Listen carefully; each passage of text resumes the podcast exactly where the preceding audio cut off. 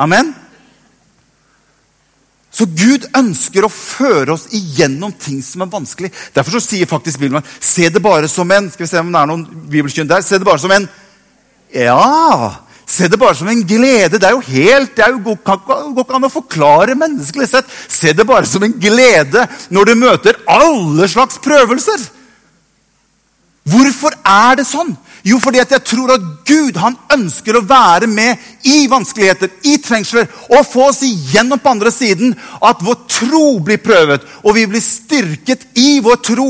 I den kunnskapen og erfaringen av at som det gikk med løven og bjørn, sånn skal det også gå med deg. For jeg har noe med meg i livet som er så sterkt og som er så bra. Og det er det jeg bygger mitt liv på. Det er fundamentet mitt. Og når Han er for meg, hvem kan være imot meg?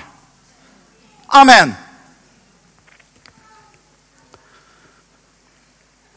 Så det er, no, det, det er, et eller annet her som jeg ønsker å, å, å dele med dere. Derfor sier Bibelen også glem ikke alle hans velgjerninger. Hvorfor skal vi ikke glemme det? Nei, For dette skal være med å bære oss igjennom neste utfordring. Neste prøvelse som kommer. Trekk deg ikke bort ifra det, men forvent at Gud skal være med deg midt oppi det. Du kan godt si at 'alene er dette umulig for meg'. Men han som er i meg, han er større og sterkere. Jeg har en med meg som kan bære meg igjennom og ut på andre siden. Er ikke det bra? Halleluja. Det, det er i møte med Goliat at David kommer til sitt store veiskille i livet sitt. Det er når han møter Goliat, at ting virkelig blir forandret i Davids sitt liv. Har du lagt merke til at det var ikke når David blir salvet til konge, at forandringen skjer? Skriften sier at når David ble salvet til konge, så står det og han gikk tilbake og gjette sauene sine som han hadde gjort før. Så det at David ble salvet av Den hellige ånd, gjorde ingen forskjell i livet til David. Og hør, jeg skal si noe, for Det er noe av dette her som jeg synes er litt spennende. oppi Det som jeg ønsker å dele med dere. Det å være salvet av Den hellige ånd, det trenger ikke å være nøkkelen i seg selv til å komme inn i den plan som Gud har for livet ditt. David blir salvet til konge, og han går tilbake igjen til å gjøre akkurat det han hadde gjort før. Det er når vi kommer opp i utfordringer, når vår salvelse blir utfordret, at ting begynner å skje. Så vi kan godt si det sånn at Davids kamp mot Goliat det var hans største kamp. Men det var også Davids sin største velsignelse. For det er i dette øyeblikket her når han er salvet, det er når han kommer opp i denne konfrontasjonen, at det han er salvet med, kommer og slår seg ut. Det er når jeg utfordrer i livet mitt, at det han har salvet meg med, kan begynne å virke. Så vi kan ikke sitte og vente som enkeltid. Altså, Gud har salvet meg, nå bare venter jeg på at et eller annet skal skje. Du kan være ubrukbar selv om du er salvet. Det er ikke den salvelsen som hviler over deg, som trenger å være nøkkelen for at du og jeg kommer inn i tjeneste for Gud. Jeg skal vise deg, jeg skal vise deg noe her som jeg syns er veldig, veldig spennende. For du skjønner, når, Gud, når, når David går inn i kampen med Goliat, så er det noe som skjer før han går inn i kampen med Goliat, som jeg vil at som jeg vil at vi skal se litt på. For du skjønner, David kommer ikke for å slåss mot Goliat. Og nå må du følge med, for nå kommer jeg til selve sentrum av det jeg skal si. David kom ikke for å slåss med Goliat, men han kom for å tjene. Se hva som står, hva som står i 1. Samuel. Og hør, husk, husk at dette her er etter at David allerede er blitt salvet til konge i Israel. Se hva som står i 1. Samuels bok kapittel 17 og vers 13-19. Jeg skal vise deg noe her som er veldig veldig bra. Jeg syns i hvert fall det er bra.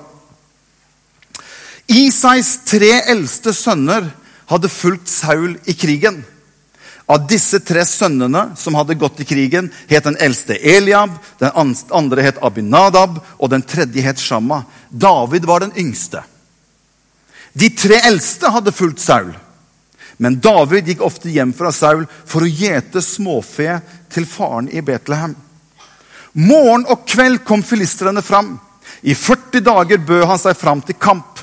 En dag sa Isai til David, sønnen sin, ta med en efa av dette ristede kornet og disse ti brødene, og skynd deg til brødrene dine i leiren. Og disse, to, disse ti ostestykkene skal du eh, ha med til tusenmannsføreren. Finn ut hvordan brødrene dine har det, og få et tegn på at de lever. De og alle de andre israelittene er sammen med Saul i Eladalen og fører krig mot filistrene. Legger du merke til at David kommer ikke inn i denne dalen for å kjempe? Men David kommer inn i denne dalen for å tjene. Enda han er salvet til konge så ber hans far han om å ta med seg brød inn til brødrene sine i leiren for å tjene de. Jeg har med meg noe her.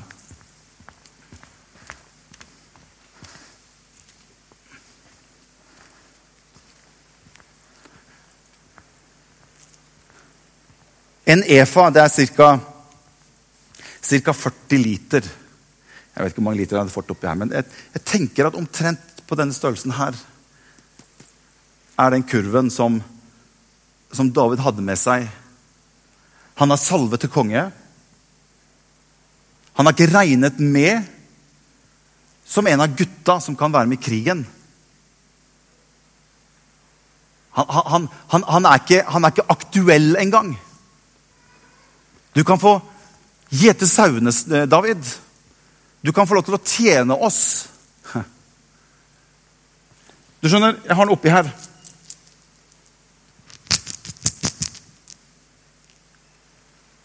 Det er bagen eller posen med steinene som vi har vært veldig opptatt av David. De steinene som han fant fram, som han skulle bruke når han skulle slåss mot Goliat. Jeg tror mange ganger vi har vært mer opptatt av de enn kurven til David. Henger du med? Men hør Det var ikke Det var ikke stenene som gjorde at David kom i posisjon til å slåss mot Goliat. Det var denne som gjorde at han kom i posisjon. Det var denne kurven som førte David i den posisjonen som gjorde at det som hvilte over han, kunne begynne å komme i funksjon. Og dette er det jeg kaller for tjenende tjeneste.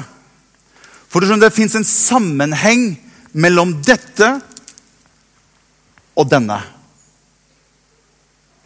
I Guds rike så er det alltid slik at all tjeneste kommer ut ifra å tjene. Vi har mange ganger vært opptatt med denne. Min tjeneste. Det Gud har salvet meg til. Det Gud har som plan med mitt liv. Det jeg skal gjøre. David tenkte ikke tanken engang, men han var trofast mot det jeg kaller for kurvtjenesten. Det var det som var i hans hjerte.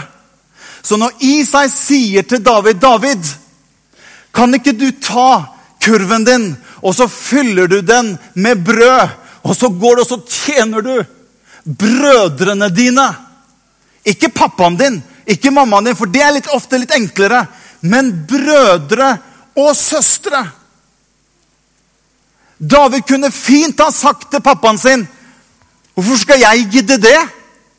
Ja, Det er jo det brødre sånn, Det er det jeg hadde hørt hjemme, da. Kunne ikke han ha smurt matpakka si før han dro, da? Hvorfor skal jeg drive oss og smøre? Og David kunne til og med ha sagt Det er jeg som er salvet til konge, og ikke de. Det er jo egentlig de som skal tjene meg, og ikke jeg som skal tjene de. Men David han tar med seg kurven, og i kurven så ligger tjenesten hans. Og det er den som posisjonerer David. Så når han kommer inn dit, ikke for å slåss, ikke for å krige, men han kommer dit for å tjene, så er det den delen av hans som gjør at han posisjoneres til å komme innenfor Goliat og kjempe mot Goliat.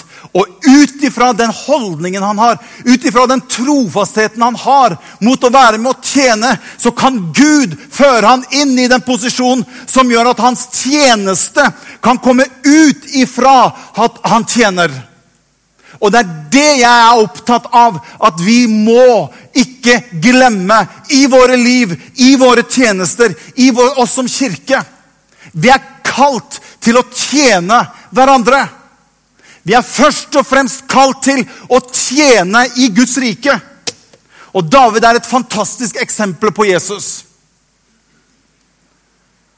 Når Jesus kommer, Se hva som står i Filippa brev kapittel 2 og vers 6. Filipperne kapittel 2 og vers 6. Jesus er et fantastisk eksempel på dette. Det står i vers 6 han var i Guds skikkelse og så det ikke som et rov å være Gud lik. Og så står det men han ga avkall på sitt eget. Hvor vanskelig er det ikke for deg og meg å gi avkall på vårt eget?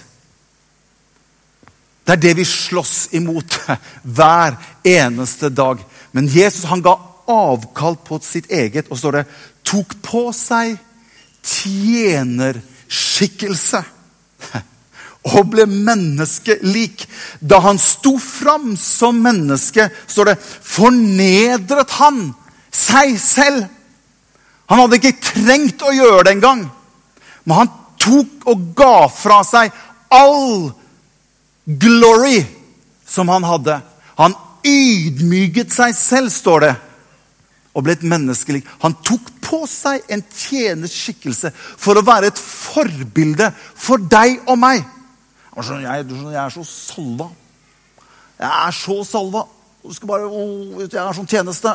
det er bare oser av tjenesten min. Altså, hadde bare jeg fått slippe til, da skal du få sett. Da skulle det virkelig ha blitt uh, vekkelse. Og, og, og, da, så Hvis jeg Det er kjempefint.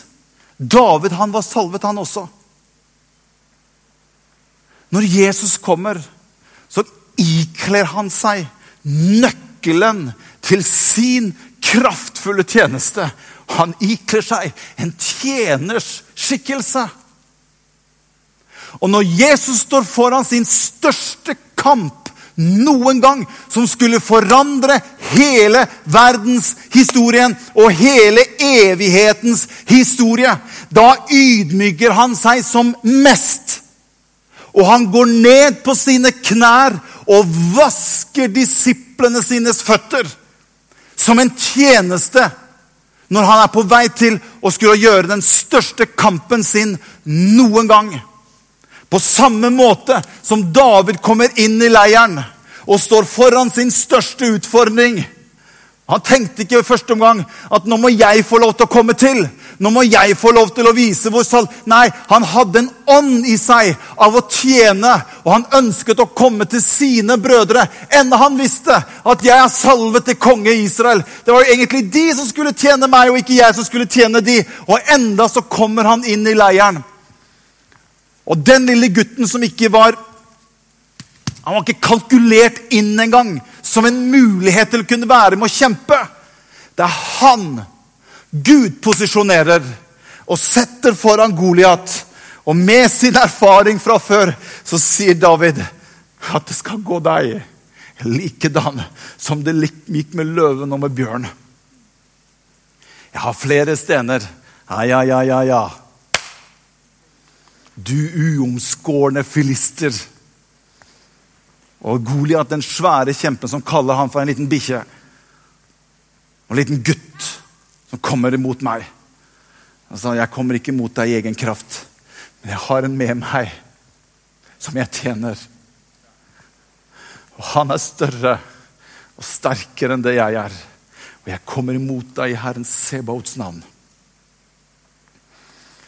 Ta den, du, gutten min, sa han også. Og der gikk han over henne. Og det ble veiskille for David. Etter dette så kunne Gud sette han inn på et høyere nivå. Hør, hvis du vil opp, så må vi ned. Veien opp i Guds rike går alltid nedover. Hvis du vil bli kjent, ja, så må du tjene. Det er ingenting i Guds rike som handler om å skulle hoppe over noe. Som, ja, hvis jeg bare kunne fått gjort det, da skulle jeg kunne vært med. Ønsker du bare å tjene når du har en fordel av det? Er det sånn at hvis jeg skal være med, så må jeg What's in it for me? Hvilken, hvilken ånd har vi på innsiden når vi tjener? Og når vi tjener i Guds forsamling, når vi tjener hverandre? Hvis det er alltid sånn at jeg må få en fordel av det, glem det! En tjenerånd vil alltid si, 'Hva kan jeg gjøre for deg?' Hva kan jeg være med å hjelpe til med for deg? Det er det som handler om kappes om å hedre hverandre.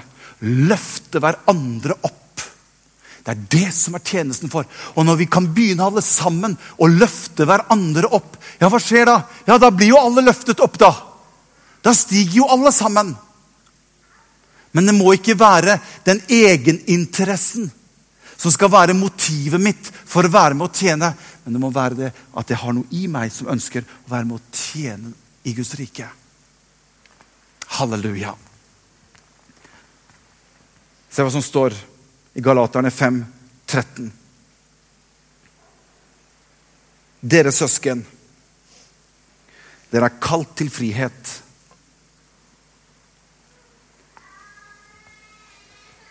La bare ikke friheten bli et påskudd for det som kjøtt og blod vil. Så står det men tjen hverandre i kjærlighet. På en måte så høres det jo veldig avslappende og deilig ut. Å legge bort på en måte noe av den egeninteressen i alt vi holder på med. Problemet vårt i dag jeg, jeg, skal jeg være litt ærlig, jeg tror vi trenger å få enda mer tilbake den tjenerånden i Guds forsamling. Vi er så vant med å bli betjent, dere. Og vi har vært så opptatt også i samfunnet vårt med den der posen med steinene i. At jeg kan få lov til å selvrealisere meg. At det er meg det handler om. At jeg må opp og fram. Jeg må få mest mulig likes, og det er fint med likes. og sånt noe. Men hvis dette begynner på en måte å bli drivkraften i min tjeneste, så vil jeg bomme. Men det er å ha et hjerte av og ønske å være med og tjene. Det er det som er nøkkelen. For han ser mitt hjerte. Og når jeg ønsker å være med og tjene han, så er det tjenesteånden i meg som gjør at min tjeneste kan få lov til å springe ut ifra at jeg er med og tjener. Halleluja. Kan vi ikke reise oss opp, alle sammen?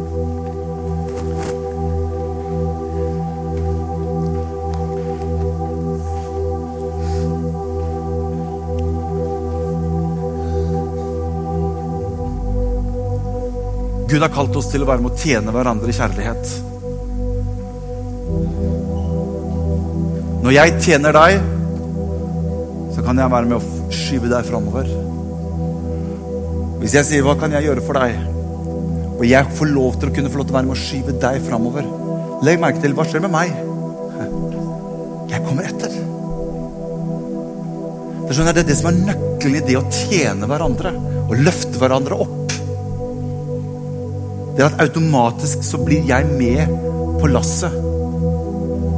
Men jeg gjør det ikke for at jeg skal opp og fram, men jeg gjør det for at jeg ønsker å være med å tjene deg.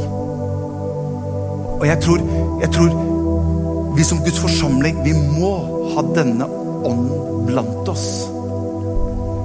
At de tjener hverandre.